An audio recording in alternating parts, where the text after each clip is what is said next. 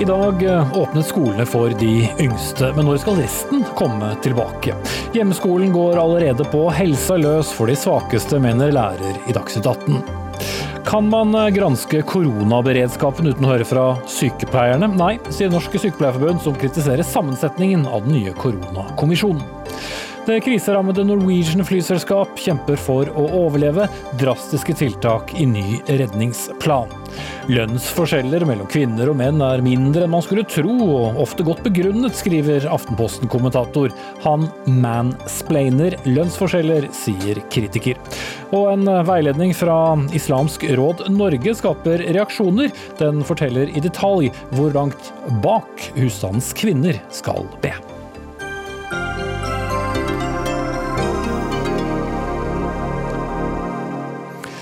Da sier vi god kveld og velkommen til eh, mandagens Dagsnytt 18. Jeg eh, heter eh, Espen Aas. Og med mindre man har bodd under en sten i hele dag. Skolene har åpnet igjen etter å ha vært stengt i over seks uker. I alle fall for de yngste. Første til fjerdeklassingene fikk komme tilbake, men hva skjer med resten av elevene? Siv Furunes, du er lektor ved Inderøy videregående skole i Trøndelag.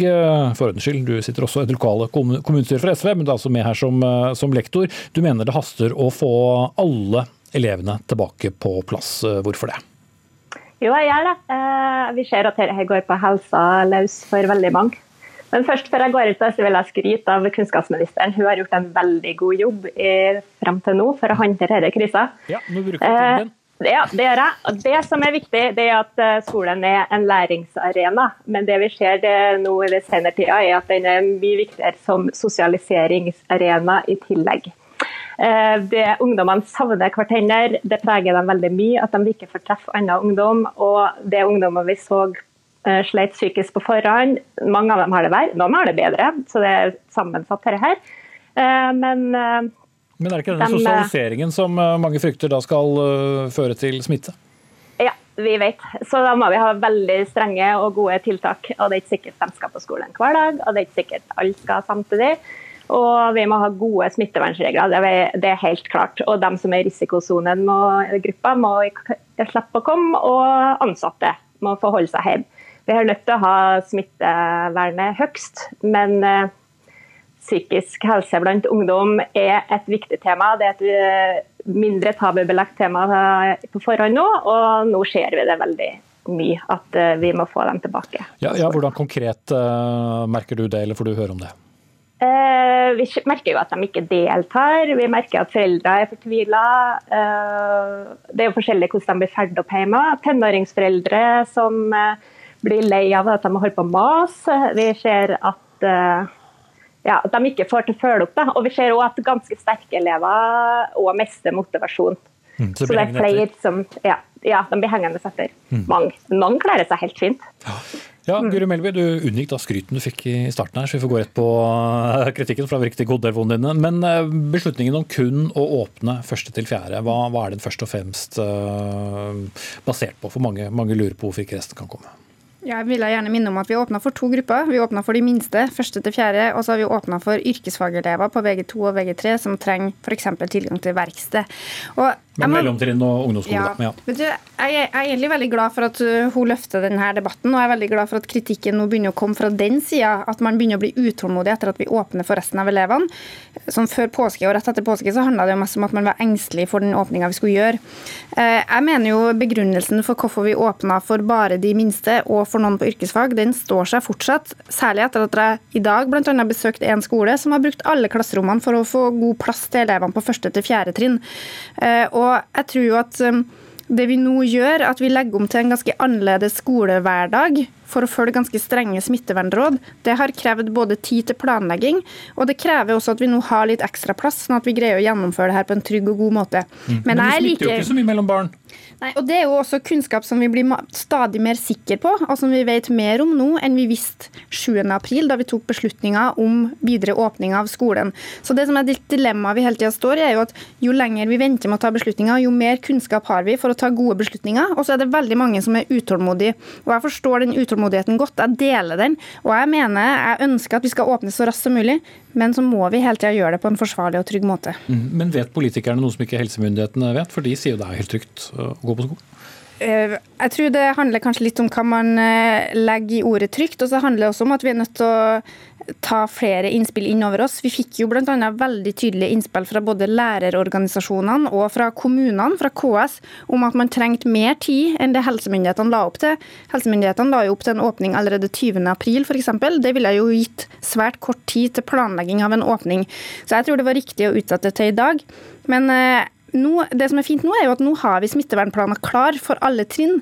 og Det betyr jo at fra det tidspunktet vi beslutter at skolene skal åpne også for de andre elevene, så kan det gå veldig mye kortere tid fra den beslutninga tas til skolene åpner igjen. Så Jeg har jo vært veldig tydelig senest i dag på pressekonferansen og si at alle skoler og også alle foreldre og elever er nødt til å forberede seg på at de skal inn på skolen. Mm. Og den beslutningen kan komme allerede til uken? Den kommer neste uke. Mm. Men eh, kan du angi noe eh, tidspunkt ut fra det? Er det da realistisk? Altså, det tar jo tid, det vet vi fra dette, og nå blir kanskje puslespillet enda mer komplisert fordi skolene blir eh, enda fullere. Er det realistisk å tro at mellomtrinn og ungdomsskole er tilbake før 17. mai?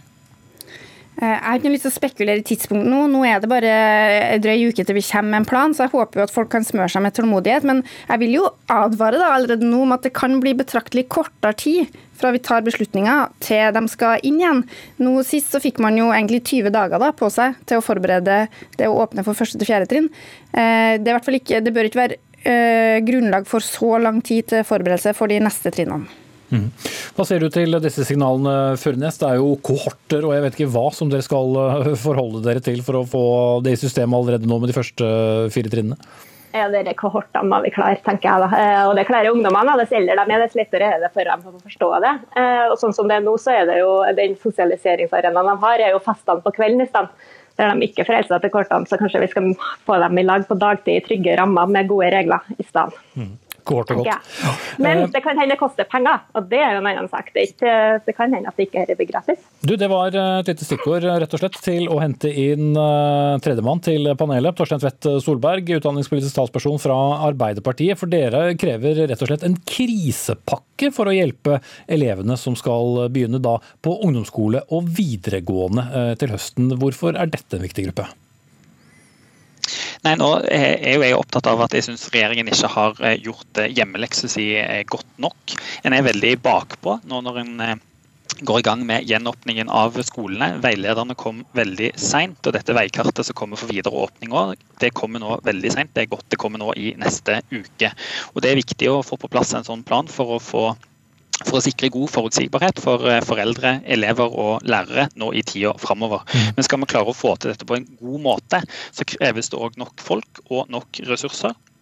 Og Jeg hører jo allerede i dag om eh, brudd på disse smittevernsreglene fordi det ikke er, eh, er, nok folk. og Når vi nå skal videre i gang med, med å åpne for, for, flere trinn, så er det viktig at det òg er nok folk og nok hva, hva ressurser. Hva slags folk er det du sikter til? Hva, hva er nok folk?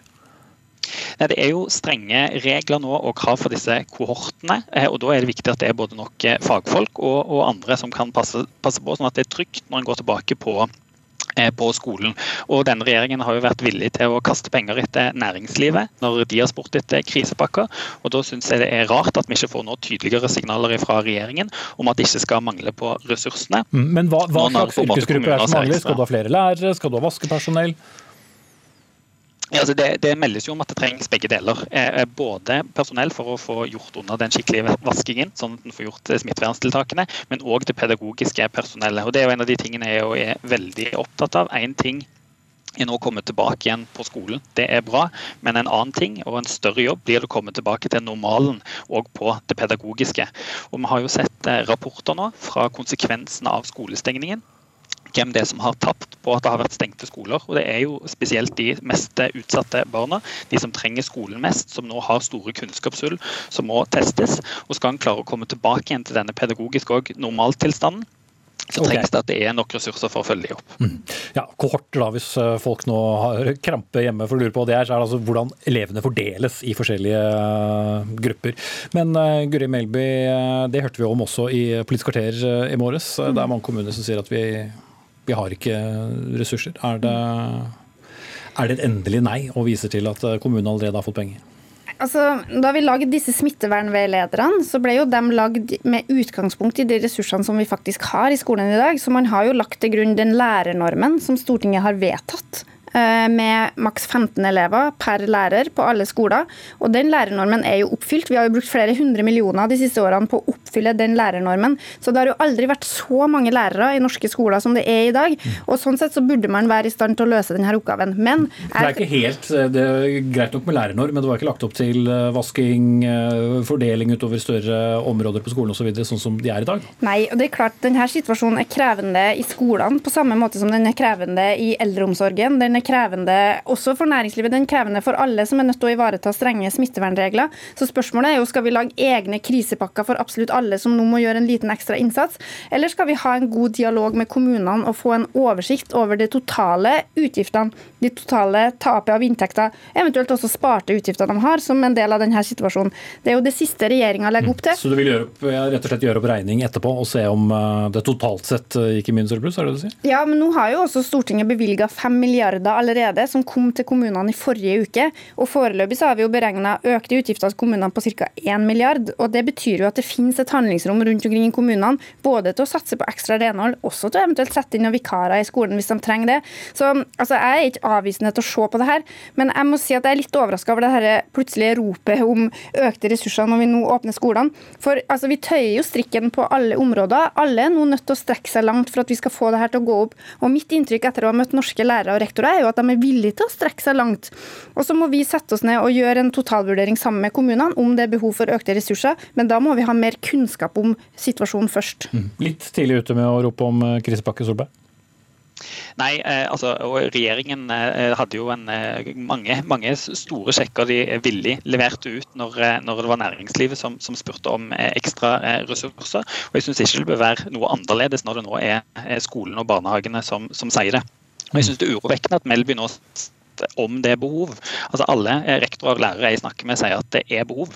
En ser at det er økte kostnader, det krever økte ressurser. Okay. Uh, da mener jeg det ikke bør være noe tvil om at en skal få mm. tilført de eh, ressursene. For det som, jeg, det som jeg bare vil, vil si det, for det urovekkende er at det har noen konsekvenser at en nå eh, utsetter dette og, og tar, tar, tak. og Det er nettopp disse, de svakeste og mest sårbare elevene som okay. da ikke kommer tilbake til en vanlig normaltilstand, og som på en måte blir glemt opp, opp i dette.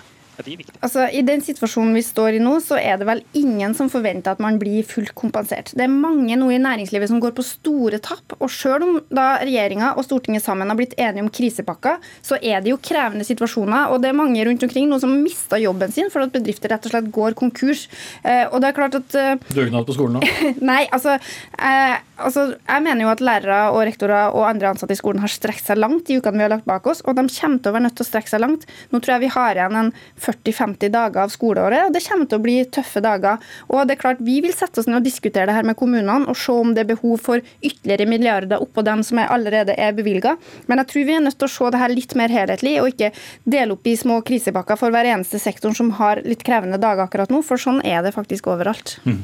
Vi får se hvordan det går, både med kohorter og, og annet. Takk til Guri Melby, kunnskaps- og integreringsminister fra Venstre, Torstein Tvedt Solberg, utdanningspolitisk talsperson fra Arbeiderpartiet, og Siv Furunes, lektor ved Inderøy videregående skole i Trøndelag.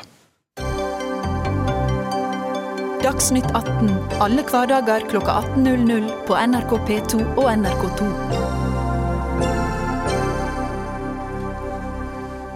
I et uh, desperat forsøk på å holde det kriseramte flyselskapet Norwegian på vingene, så presenterte ledelsen i dag uh, svært drastiske tiltak for veien videre og videre drift. Selskapet ønsker å gjøre om store deler av selskapets gjeld til egenkapital. De ber selskapene de leaser fly av om å redusere sine krav på en halv milliard kroner, og det vil også bli flydd langt mindre fremover. Vi inviterte Norwegian til Dagsnytt 18 i dag for å utdype eh, sine planer. Det fant de ikke tid til, men Cecilie Langebekker, vår økonomikommentator, du har eh, fulgt Norwegian gjennom hele dagen.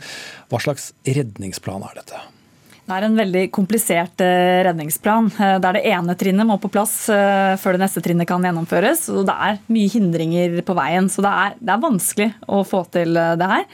For det første så ønsker de å gjøre om en stor del av gjelden. Den er på nesten 60 milliarder kroner. De ønsker å gjøre om den til aksjer, og måten de gjør det på er å be kreditorene om å da Veksle inn gjelden i aksjer. Så de kan eie et selskap som kanskje ikke har så mye verdi i øyeblikket pga. det økonomiske problemet. Nettopp. Eh, og Det innebærer jo igjen at man må trykke aksjer i stor skala. sånn at de som allerede er aksjonærer i selskapet, de, deres aksjer blir veldig lite verdt. Eh, så lite som rett over 5 eh, og Dette ønsker de da først å få med kreditorene på, og så må de overbevise aksjonærene. og Det er en generalforsamling på mandag. Og så lurer du kanskje på hvorfor i all verden skal man gå med på det som aksjonær, og at aksjene dine plutselig er verdt 5% og Det er jo fordi alternativet alternativet fort kan bli eh, null. Eh, fordi det vil jo da eventuelt innebære en konkurs for Norwegian.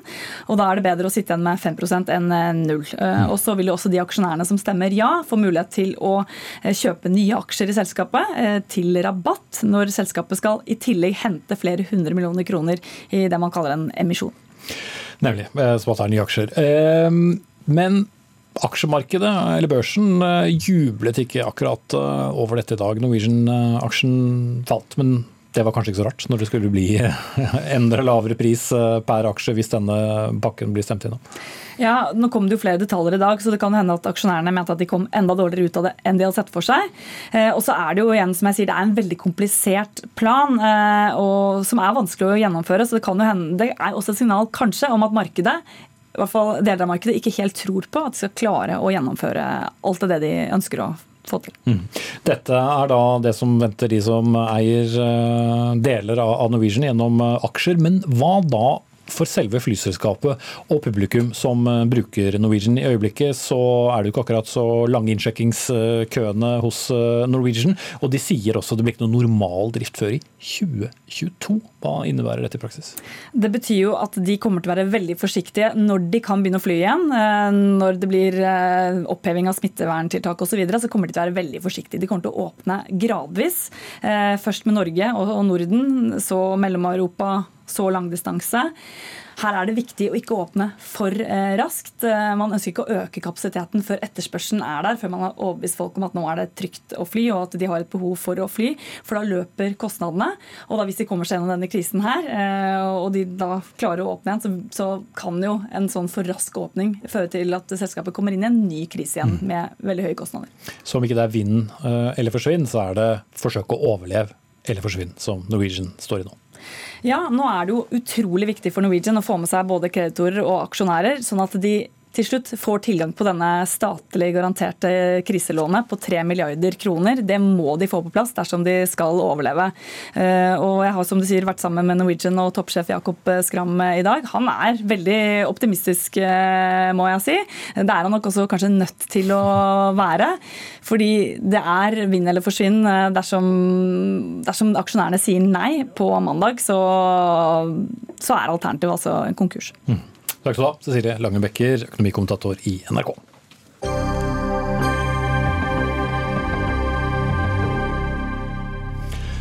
Før helgen fikk vi vite sammensetningen og også mandatet på regjeringens nye koronakommisjon. Altså kommisjonen som skal granske tiltakene som er eh, satt i gang i forbindelse med pandemien, og også eh, beredskapen før den inntraff. Om litt skal vi høre Norsk Sykepleierforbund, som reagerer på at ingen av de oppnevnte medlemmene av kommisjonen er eh, sykepleiere, og mener at det er en svakhet. Men det er også stilt spørsmål ved at kommisjonens oppnevnte leder, Stener Kvinsland, som har vært en sentral leder ved flere av våre største sykehus, og dermed har hatt innflytelse på beredskapen der i en årrekke, er eh, leder, men samtidig så skal det granskes noen av stedene han har vært tilknyttet. Og Stener Kvinsland, du er med oss, professor emeritus i medisin, og altså leder av denne eh, koronakommisjonen. Hvorfor eh, tror du du var egnet til å lede denne kommisjonen? Nei, jeg ble jo forespurt og har tenkt igjennom. Eh, og jeg går ut fra at de som har spurt meg, har tenkt mer på det enn bare jeg. Og har da kommet frem til at kanskje mitt kandidatur var egnet. Så har jeg selvfølgelig vurdert det som her tas opp, nemlig om det ligger noe i min fortid i form av de arbeidsposisjoner jeg har vært i, som kan gjøre at jeg kan komme i uheldige situasjoner i forbindelse med denne, med denne granskningen. Jeg vil gjerne da understreke at jeg har ikke vært i aktivt sykehusledelsesarbeid på konkret plan på fem år. Uh, og, uh, uh, du, har, du, har, vært styreleder bl.a. ved Oslo universitetssykehus i, i flere år. Du Ja. Vært tilknyttet sykehusene i Stavanger og, og Akershus, og før det igjen administrerende direktør i, i, Helse Bergen. Så spørsmålet noen kanskje stiller er vil du da evne å se det hele utenfra? Ja, det, det, tror jeg jo, og det håper jeg jo. Eh, eh, som sagt, eh, den konkrete han, altså Det å være administrerende direktør, da er man tett på. Og jeg har jo vært direktør f.eks. under svineinfluensaepidemien i 2009. Eh, så, sånn sett så har jeg jo vært midt oppi det. Men siden hen og i, eh, gjennom disse styrevervene så kan jeg ikke riktig se at det innebærer at man skulle eh, ha vært med på beslutninger som svekker min habilitet eller muligheter for å se det objektivt. Det har vært min vurdering, og jeg har også tenkt slik at dersom det skulle dukke opp problemstillinger der jeg konkret forbindes med noe, noe som da skal ses på, så må man selvfølgelig i arbeidet erklære seg inhabil. Det tror jeg ikke blir, skal bli nødvendig, og iallfall ikke ofte. Eh, og eh, Min konklusjon var at eh, jeg tror at jeg da kunne ta på meg dette av den grunn. Og så må jo selvfølgelig de som har foreslått meg og valgt meg, ha tenkt igjennom dette og også gjort sin begrunnelse. Mm. Men forstår du at det blir stilt spørsmål ved, en mann som har altså sittet i styrer ved både landets største sykehus og, og to andre styre, større sykehus? Ja, det forstår jeg selvfølgelig. Og det skulle, jeg syns det er veldig bra at spørsmålet stilles, eh, sånn at eh, det er fullt ut i åpenheten at denne problemstillingen har vært reist i forkant. Mm. Sett eh, utenfra så langt, hvordan har du vurdert håndteringen av koronakrisen? Det har jeg nok ikke lyst til å kommentere. Det som jeg har lyst til å si, er at enn så lenge så syns jeg det virker som det har gått bra. Om det skulle vært gjort annerledes, eller om ting skulle vært si, ja, tidsmessig eller på annen måte så er vurdert annerledes, ja, så det er jo eh, oppgaven. Så det vil jeg jo ikke kommentere på dette tidspunktet. Da sier vi takk til deg, Stener eh, Kvinsland. Kristian Grimsgaard, du er tillitsvalgt for Akademikerne i Helse Sør-Øst og overlege ved Klinikk for kirurgi og nevrofag ved nettopp Oslo universitetssykehus. Du har uttalt deg kritisk i helgen til at det nettopp er Kvinsland som skal lede kommisjonen. Hva mener du er problematisk, også ut fra hvordan han forsvarte dette nå? Stene Kvinsland er jo en veldig kompetent eh, helseleder, og er kanskje den i Norge som har hatt flest sentrale verv i ledelsen av helsevesenet fram til denne hendelsen. Han er en betrodd rådgiver for departementet, har sittet i flere råd og utvalg. Han ledet jo Kvinsland-kommisjonen. Så, så, han har hatt, sittet på nærmest alle sider av bordet i forbindelse med innretningen av norsk helsevesen. Eh, som eh, I Bergen så ledet han jo sykehuset i mange år. og Bl.a. Eh, etablerte han det som kaltes mottaksklinikken, som innebar en betydelig nedbygging av antallet sengeplasser. Eh, ble, så ble kritisert for at det ville svekke beredskapsfunksjonene. Han har behandlet beredskapsplaner i, i, i, ulike sykehus. sånn at Han har vært så sentral i dette. Så Jeg skjønner jo at man ønsker hans kompetanse, men, men han har vært så veldig sentral i innretningen av hele norsk helsevesen, også på beredskapssiden, at jeg mener at det er uegnet. Mm. Så I motsetning til Kvinnsland Kvinsland selv, så mener du at faren kan være stor for at han møter seg selv i døren? Ja, Det er opplagt. Han kommer til å møte seg selv i døren i en rekke situasjoner. og, og eh, denne typen arbeid, Jeg har jo sittet i en, i en, utredning som Kvinsland ledet. Denne typen arbeid er jo veldig avhengig av eh, den som er lederarbeidet og hvilket sekretariat som bistår. Og, og, Samlet er det veldig mye de som bestemmer retningen på det arbeidet. Mm. Men han er jo ikke alene, det er jo en hel kommisjon? Absolutt. Men, eh, men som, som, nevnt er det veldig mye lederen som styrer hvor et slikt arbeid vil bevege seg. Mm. Det var riktignok regjeringen som, som, satte ned utvalget. Vi spurte helseminister Bent Høie om han kunne stille i dag. Det kunne han ikke. Men Sveinung Stensland, du er stortingsrepresentant og medlem av helse- og omsorgskomiteen eh, fra samme parti, nemlig Høyre. Du har full tillit til hans uh, egnethet som leder. Hvorfor det? Eh, Kvinsland har en eh, veldig god oversikt over eh, alle deler av spesialisthelsetjenesten. og har en lang yrkeskarriere både i klinikken og forskning, og ikke minst gjennom ledelse av flere sykehusforetak. kjenner dette systemet veldig godt. Og så er han jo ikke alene, og, og den kritikken som kommer, det, det, er jo en interessant diskusjon. Men jeg setter jo resten av denne kommisjonen i et litt sånn rart lys, for det er jo da tingrettsdommere, professorer, eh, hotelldirektører, eh, fylkesmenn, ordfører.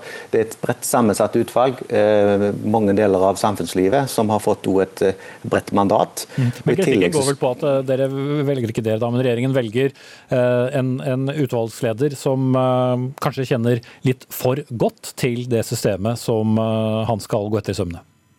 Ja, men igjen så er han jo ikke alene, og han er jo nå litt på sida, som han sier. Det er fem år siden han sjøl var aktivt med i ledelsen. Så jeg, jeg eh, syns tvert om at det er positivt med en eh, innsiktsfull og, og erfaren uh, kliniker som, som, som, kan lede dette arbeidet. Men han er altså ikke alene. Kommisjonen har fått et bredt mandat, og de skal ikke sitte for seg selv og jobbe. De skal ut og hente opplysninger, de skal jobbe opp mot flere andre grupper i samfunnet. Og de skal ikke bare se på beredskapsbiten, de skal se på hvordan ting ble utført. De skal også se på de samfunnsmessige konsekvensene. Så dette er et stort arbeid der store deler av det som eh, eh, denne situasjonen angår, skal granskes. Og Siste ord i denne diskusjonen er absolutt ikke sagt, og dette kommer til å fortsette i mange år. Mm.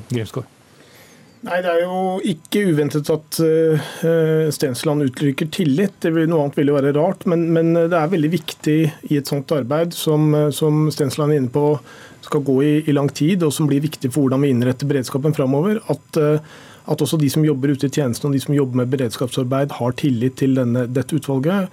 Og Det er veldig vanskelig å se for seg at uh, kan skje når man velger en leder som har hatt så stor del av ansvaret for innretningen også på de sidene som ikke har gått så bra. Mm. Men er, det, er, da din eh, frykt at uh, man vil være for positiv til uh, helsevesenets uh, håndtering, når det, gjelder, når det gjelder, ikke håndtering, men når det gjelder beredskapen?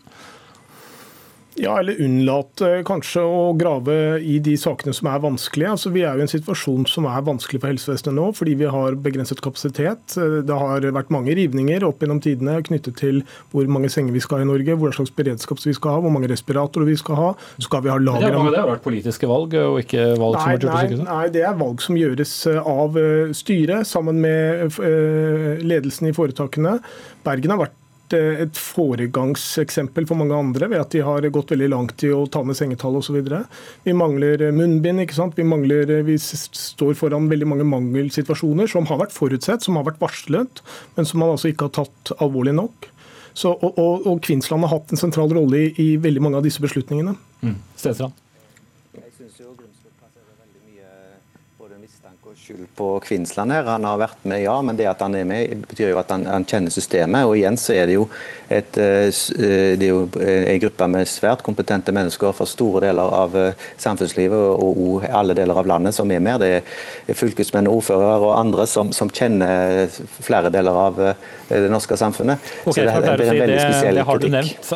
Kvinsland, du ønsket i utgangspunktet ikke å, å, debattere din egen person, men jeg vet du er fortsatt med oss og du har hørt på samtalen. Og vi er opptatt av, av tilsvar her i Dagsnytt 18, så hvis du vil komme med en sluttkommentar på innvendingene fra Grimsgaard, så har du muligheten nå. Nei, Ikke annet enn at jeg forstår synspunktene, og jeg har forsøkt å tenke igjennom de sjøl. Og jeg vil jo være veldig engstelig for at jeg skulle komme opp i en situasjon der dette viste seg å bli vanskelig. Jeg tror ikke at det vil skje, og at når de har bedt meg, som har bedt meg og har tenkt igjennom dette, så får vi prøve. Mm. Det er blitt rettet annen kritikk også mot eh, kommisjonen. og Lill Sverresdatter Larsen, leder i Norsk Sykepleierforbund. Dere er eh, veldig litt fornøyd med at ikke det var eh, funnet plass til sykepleiere. Hvorfor er det et problem? Som er beskrevet at denne eh, kommisjonen skal, eh, skal gjøre evaluering altså analyse av, så mener vi at uten sykepleierkunnskap så er det faktisk ikke mulig å svare ut sentrale deler av, eh, av koronakommisjonen sitt mandat. Mm. Fordi vi har en, altså det er en unik profesjon. Det er en unik kjennskap og kompetanse på hva som faktisk har fungert eller ikke har fungert i helsetjenesten som helhet, med tanke på krisa som vi har vært igjennom og fortsatt står i. Mye pga. at vi både er sykepleiere på sykehus, legevakt, sykehjem, hjemmetjeneste i alle livsfaser for et menneskes liv frontlinja i krisa, døgnkontinuerlig drift, som ikke er mulig uten sykepleiere. og Dermed så kan vi ikke f.eks. diskutere heldøgns omsorg eh, som, som, er en del av mandatet, bl.a. utenom å ivareta sykepleiere, og at sykepleiere skal være representert. Mm. Men er ikke det viktigste hvem kommisjonen snakker med? Og der vil de vel garantert snakke med også sykepleiere? Det vil man helt sikkert, men det kan man stille mot alle de representantene som er, er, er tatt med i, i kommisjonen.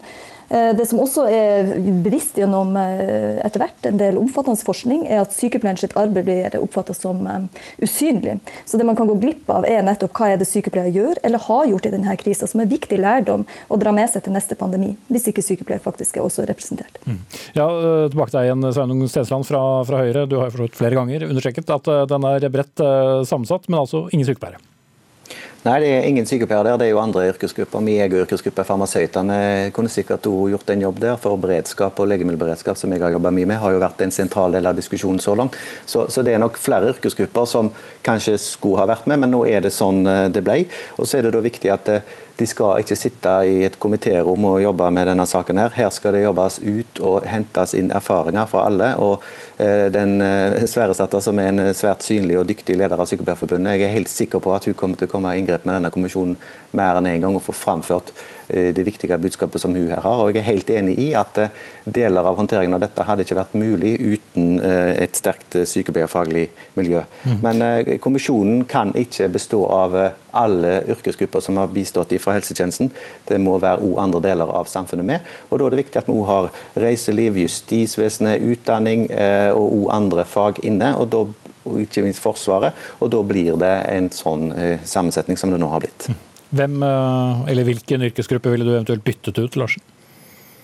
Jeg vil ikke si noen ting om det, men her, du, kan gjerne si at det skulle være eh, personell fra flere ulike grupper. Altså, men å ikke ta med seg en, en profesjon som er nøkkelpersonell, nettopp det her eh, tjenestene og evaluering av de her tjenestene skal gjøres. Altså, det som, de som både er nærmest pasienten, men samtidig også både leder, koordinerer og organiserer tjenestene på vegne av ikke bare sykepleiere, men også alt annet helsepersonell. Så det som egentlig sørger for at helsetjenestene fungerer også i krise. Det å ikke ta med seg den, den profesjonen inn i, som representant det, ja, det er egentlig um, underlig, i beste fall. Det var sånn det ble, svarte du Stensland. Det hørtes nesten ut som du mener man kunne sett på den sammensetningen litt nøyere likevel?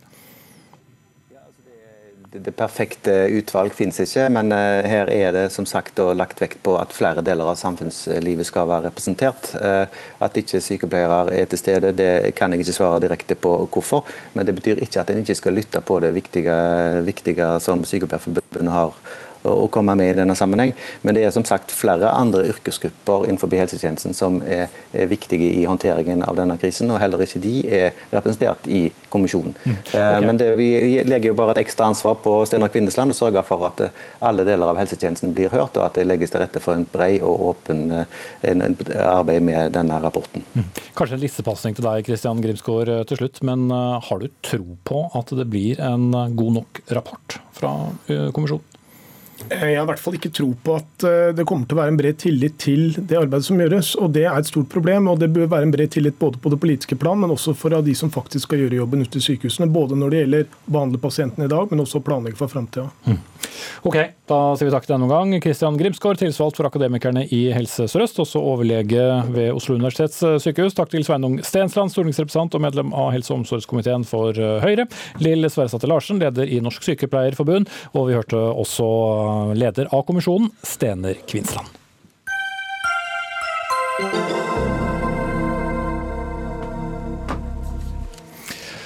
Velger kvinner selv å tjene mindre enn menn? I hvert fall delvis, kan man tro Aftenpostens eh, kommentator Joakim Lund i en eh, kommentar eh, fra lørdag, hvor det ble beskrevet at lønnsforskjeller mellom kvinner og menn bl.a. skyldes at flere kvinner enn menn jobber i deltidsstillinger, og at de fleste selv velger å jobbe slik. Og Eva Kittelsen, du er designer og entreprenør, og reagerte sterkt på det du leste. Hva, hva var galt? Det jeg syntes var galt, var at jeg følte ikke at han så eller at du så problemstillingen i det hele tatt ved å eh, forklare at det at vi jobber deltid, var noe som skal gjøre at vi skal akseptere at vi har det dårligere stilt. Jeg mener man kan sette spørsmål ved hele den strukturen vi har i samfunnet, og si at hvorfor skal man ikke få godtgjørelse for det arbeidet som gjøres, også hjemme, eh, og at det faktisk er et verdifullt arbeid som er verdiskapende i samfunnet, og som man også må anerkjenne. og at eh, og da si at dette er noe man velger, og da kan på en måte ta til takke med dårligere økonomisk, eh, en dårligere økonomisk situasjon, eh, blir helt galt. Da. Mm, ja, Joakim Lund, den nevnte kommentator. Rettferdiggjør det lønnsforskjeller? Jeg tror det som er veldig viktig her, er at det jeg gjør, er jo egentlig bare å gå gjennom forskningen. Jeg ser på hva det som finnes av tilgjengelig kunnskap her. Hvor store er forskjellene i hvordan økonomiske midler fordeles mellom kvinner og menn? Og hva skyldes de forskjellene? Og Der finnes det masse kunnskap. Eh, noe helt ferskt fra Statistisk sentralbyrå. Noe fra CORE, Senter for likestilling, og fra Institutt for samfunnsforskning. Og alt sier jo egentlig eh, det samme. At det er en stor forskjell. Veldig mye av forskjellen skyldes eh, både på yrkesinntekter og kapitalinntekter. At det er en ganske liten gruppe mennesker som stikker av med veldig mye. Så for de aller fleste så er forskjellene ikke veldig store. På medianinntekt er det 5 eh, og den forskjellen skyldes i veldig stor grad at kvinner jobber mer likestilling.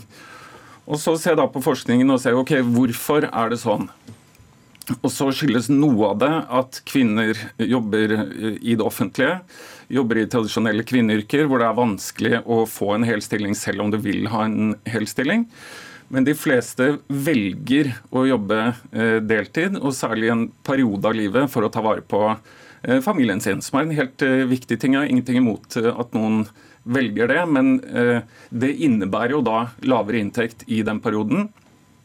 Og det innebærer også at man går glipp av den utviklingen man ville hatt i arbeidslivet i samme periode. Ok, Kittelsen, du kalte det hele en mansplaining, altså menn forklarer vanskelige ord for, for kvinner. Eh, da du skrev eh, om dette, fikk du det en gang til nå? På en måte. jeg skjønte jo faktaene du la frem i eh, det du skrev, og jeg er ikke uenig med statistikkene. Det jeg er uenig er i eh, verdigrunnlaget som du baserer da eh, din avsluttende kommentar med, hvor du sier du sier jo at man kan ikke nekte kvinner å jobbe redusert, eller menn for den saks skyld. Og du avslutter med et sitat av Shakespeare at den som er vel tilfreds, er vel betalt. Uh, og for meg så føles det som at du da legger opp til at så lenge man har en jobb som man liker, da er det på en måte godt nok. Og at uh, da har ikke vi kvinner uh, noe vi skulle ha noe å klage over.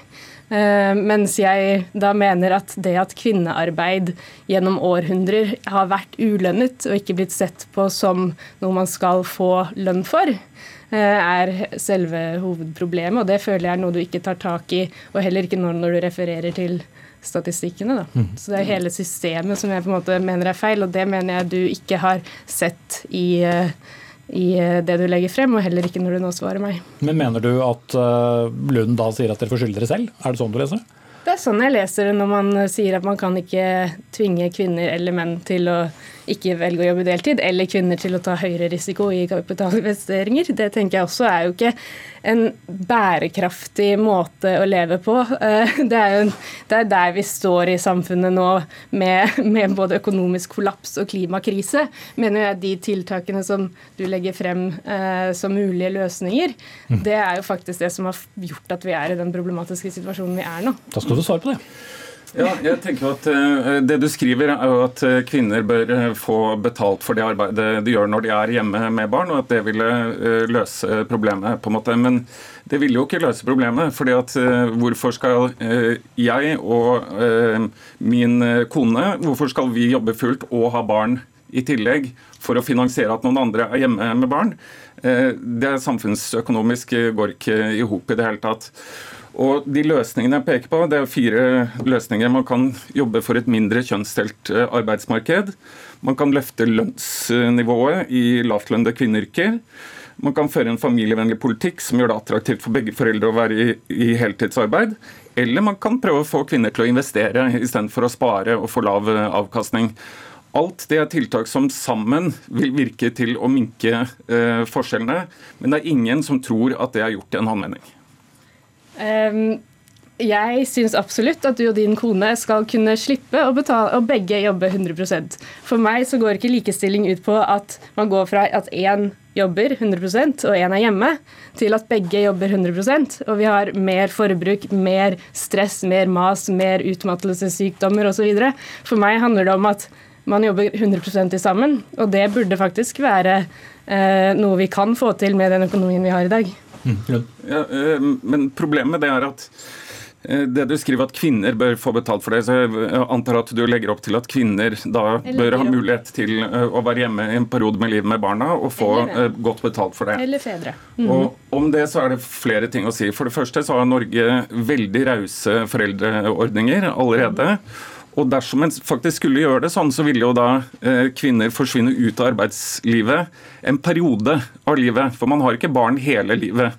Og det betyr at når du kommer tilbake til 15-20 år, så vil du da eh, se at de kollegene du hadde, har gått forbi deg i stilling og i lønn og alt. Så det er heller ikke et Eh, tiltak som, vil, eh, som, er likestillingsfremmende. Da. Nå sa jeg fedre også når jeg svarte deg her, fordi det er lagt opp til at kvinner Det du snakker om er kvinner tjener mindre, så er det det jeg har fokusert på i det jeg skriver. Eh, at det er de typiske kvinnerollene som ikke får betalt nok.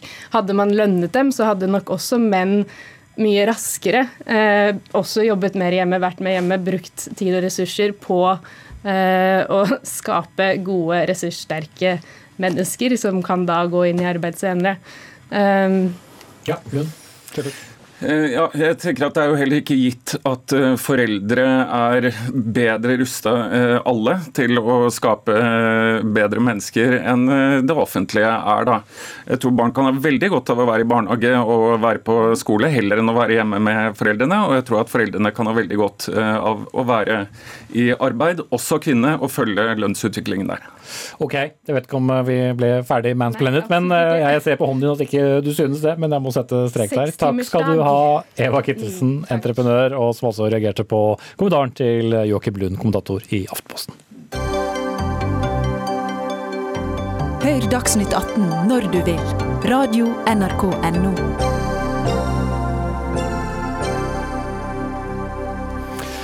Da skal vi eh, snakke om eh, det som synes å være litt av et eh, mysterium her i Dagsnytt 18. Hvor er Kim.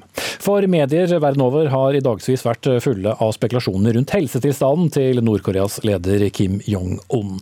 Ryktene begynte å svirre da han uteble fra markeringen av fødselsdagen til sin avdøde bestefar, nemlig Nord-Koreas grunnlegger Kim Il-sung 15.4, og han har ikke vært å se siden heller. Denne markeringen regnes for å være en av de viktigste høytidene i Nord-Korea. Men Stein Tønneson, seniorforsker ved PRIO, Institutt for fredsforskning, du mener at eh, Kim Jong-un selv har bidratt til eh, ryktene, eh, ettersom han ikke deltok. Eh, hvordan da? Det at han har holdt seg unna offentligheten nå en god stund, og ikke deltok på 108-årsdagen til sin bestefar, det måtte han regne med at skulle føre til spekulasjoner. Men spekulasjonene skyldes først og fremst at det er en avhoppernyhetstjeneste i Sør-Korea som har brakt ut en nyhet om at han skal ha gjennomgått en hjerteoperasjon, som kanskje også skulle ha slått feil. For da kom det også spekulasjoner om at han var død.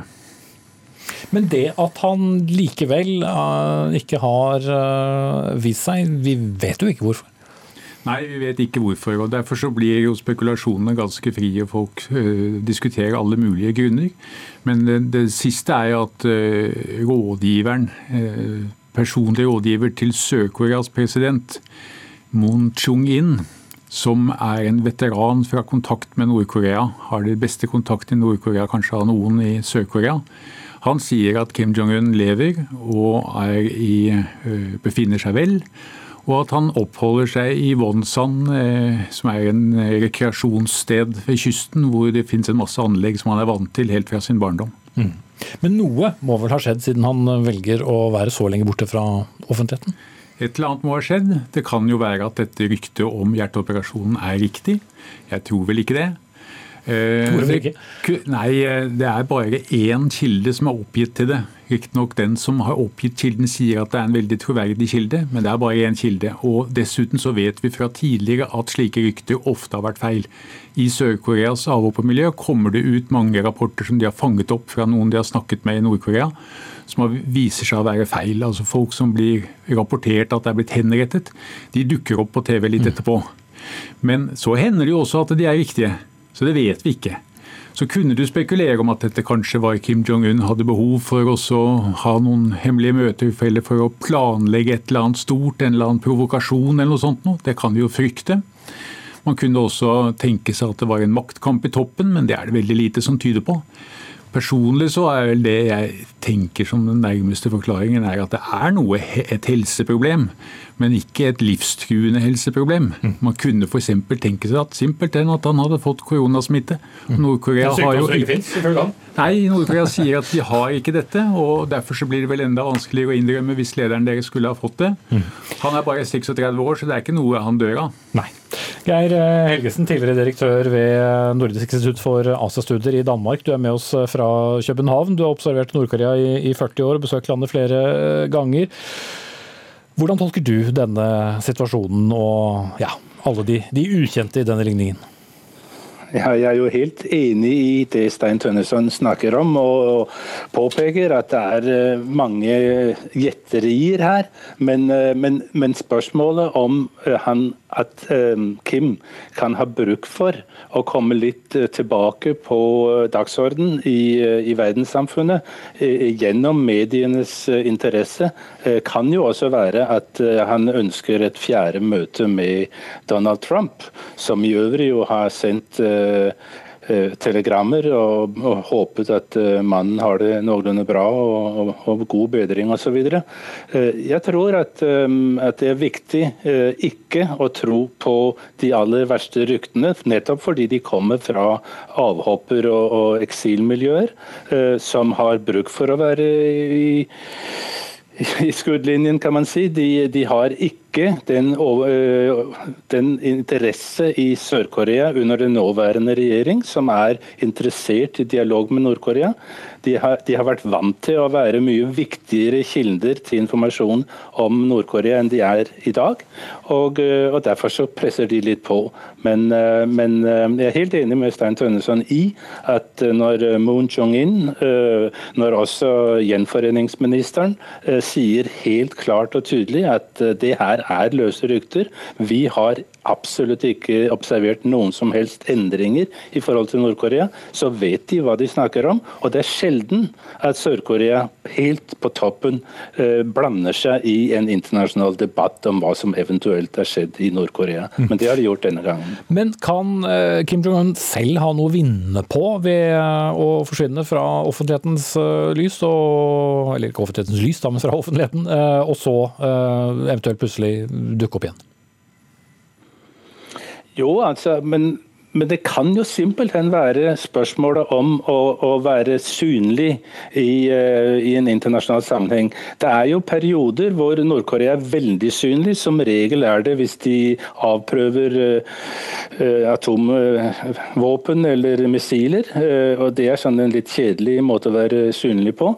Men, men nå dreier det seg om at Trump i USA legger opp til et veldig viktig valg, for ham i hvert fall, og for USA for verden. Eh, og da kan det godt være at, eh, at Kim kan inngå i, i, i, hans planlegging om å spille den statsmann, den presidenten i USA, som går inn og gjør noe for å løse konflikten på den koreanske halvøya. Mm. Slutt, eh, Stein Tønsson. Hvis nå Kim Jong-un dukker opp igjen, det er vel kanskje ikke umulig at det da vil være en viss pomp og prakt rundt det hele, enten han kommer ridende på en hvit hest eller om det blir en eller annen stor periode, nei, periode for å vise verden at, eh, at her er Nord-Koreas sterke leder? Hvis det er et helseproblem, så tror jeg bare han dukker opp på en helt normal måte når han føler seg bra igjen. Men ellers så syns jeg tesen til Geir Helgesen om at dette kanskje er et spill foran en ny åpning overfor Trump, siste muligheten til å klare å få til personlig diplomati med Trump før valget i USA til høsten, Eh, det er en ganske artig tese. Det kan vi kanskje håpe på. Ja.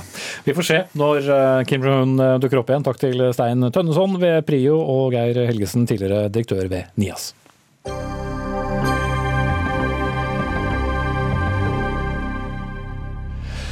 En eh, veiledning, eller veileder om du vil, fra Islamsk råd Norge om eh, hvordan muslimer kan eh, be hjemme, har de siste dagene blitt diskutert hyppig i sosiale medier, og også i en del medier. Å be hjemme sammen er spesielt aktuelt nå som moskeer er stengt. Men de som har tatt en titt på denne veilederen har reagert på at kvinner i husstanden, enten det er mor eller andre, plasseres bak mennene i familien. Det er kun menn som skal lede bønn. Det er altså Islamsk råd Norge, en organisasjon for 33 islamske trossamfunn, som eh, har laget denne veilederen. Vi har snakket med dem i dag og invitert dem for å forklare tankegangen bak den, men det ønsket de ikke. Men daglig leder i den minoritetspolitiske tenketanken Minotek, Linda Nord, du mener denne veilederen viser en tankegang som strider mot likestillingsidealer, og sier til avisen Vårt Land eh, i dag at det ser ut som eh, disse illustrasjonene da, som er i, i veilederen som viser hvor de forskjellige medlemmene av husstanden skal eh, plassere seg, er tatt ut av en lærebok i patriarki. Ja, det er jo en ehm, bønneveileder som viser kategorisk eh, kvinner bak eh, til og med sine egne barn. Og den har en, ehm, en veldig tydelig profil som går på at det er sønner og, og far som, som er lederskikkelsene i familien. Og det er klart det Eh, utfordrer jo eh, manges eh, oppfatning om hva som er likestillingsidealer. Og, og ikke minst hvordan det er riktig å behandle ens barn, og hva slags signaler man gir til ens barn om hierarki i familien og, og sånne ting. Mm. Men tenker du at likestilling er sterkt til stede i moskeene? da?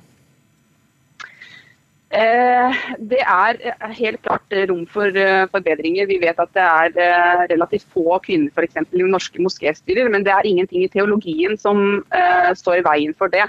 Tradisjonelt i islam så har det vært rom for kvinnelige lederskikkelser, og kvinnelige lærde har eksistert gjennom hele islams historie.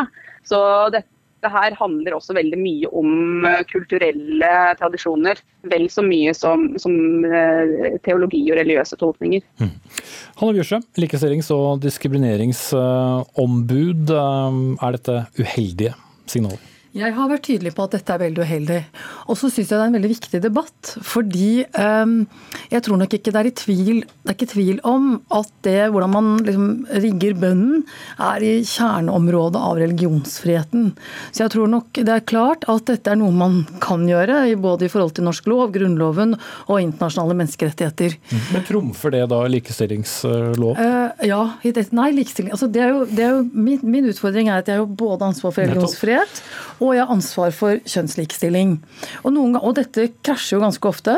Eh, noen ganger så er det en direkte krenkelse f.eks. overfor kvinner som ikke er en del av det religiøse samfunnet. Da er det lettere å si at dette blir satt på spissen, og at man må se på typisk eh, likestillingen, kjønnslikestillingen.